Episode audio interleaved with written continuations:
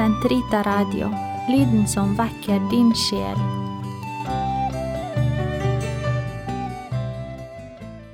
Den katolske kirkes katekisme, uke 39, onsdag 737-747. Den hellige ånd og kirken. Kristi og Den hellige ånds sendelse fullendes i kirken, Kristi legeme og Den hellige ånds tempel. Denne felles sendelse knytter fra nå av Kristi trone til hans samfunn med Faderen i Den hellige ånd. Ånden gjør menneskene rede, går forut for dem med sin nåde for å dra dem til Kristus. Han åpenbarer den oppstandende Herre for dem, minner dem om det han har sagt, og åpner deres sinn slik at de kan forstå hans død og oppstandelse. Han gjør Kristi mysterium nærværende for dem, først og fremst i Eukaristien, for å forsone dem, gi dem samfunn med Gud, slik at de bærer frukt i mengde. Johannes 15, vers 5, 8 og 16. Derfor kommer ikke Kirkens sendelse i tillegg til Kristi og Den hellige ånds sendelse, men Kirken er sakramentet for deres sendelse. Ved alt den er og i alle sine lemmer er Kirken utsendt for å forkynne og vitne om, for å gjøre nærværende og utbre Den hellige treenighets fellesskapsmysterium. Dette vil bli behandlet i neste artikkel. Alle vi som har mottatt den ene og samme ånd, dvs. Si Den hellige ånd, vi er smeltet sammen med hverandre og med Gud.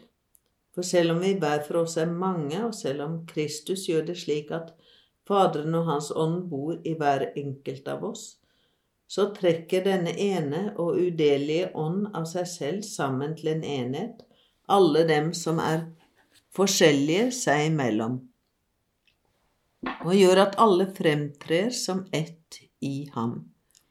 Og på samme måte som kraften i Kristi hellige menneskenatur gjør at alle de den bor i, danner et legeme, slik mener jeg den ene og udelige Guds ånd som bor i alle, samler dem alle i en, til en åndelig enhet.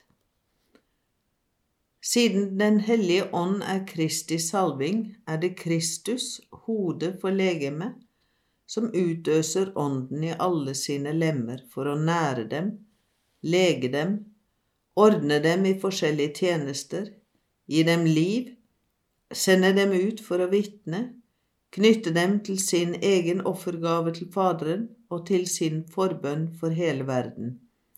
Det er ved Kirkens sakramenter Kristus meddeler lemmene på sitt legeme, sin hellige og helliggjørende ånd.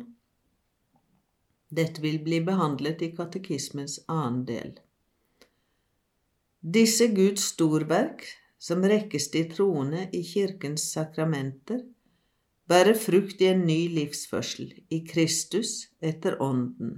Dette vil bli behandlet i katekismens tredje del.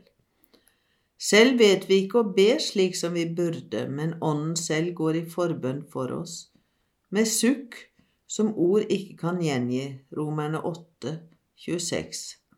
Den hellige ånd, som iverksetter Guds verk, er læremester i bønn. Dette vil bli behandlet i katekismens fjerde del. Kort sagt Beviset på at dere er Hans sønner, er at Gud har inngitt sin Sønns ånd i våre hjerter, hvor den roper Abba, Far. Galaterne 4,6. Fra opphavet av til tidenes ende sender Gud alltid sin ånd når han sender sin sønn. Deres sendelse er felles og uatskillelig. I tidens fylde fullbyrde Den hellige ånd i Maria alt det som i Guds folk var forberedelser på Kristi komme. Ved Den hellige ånds virke i henne setter Faderen Immanuel til verden, det vil si Gud med oss. Matteus 1, 23. Guds sønn blir vigslet til Kristus, Messias, ved Den hellige ånds salving i inkarnasjonen.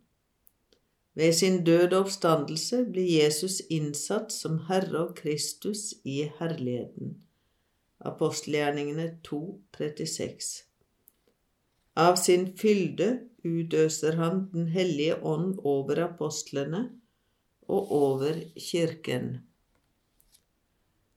Den hellige ånd som Kristus hode inngyter i sine lemmer, bygger opp, besjeler og helliggjør kirken. Kirken er sakramentet for samfunnet mellom den hellige treenighet og menneskene.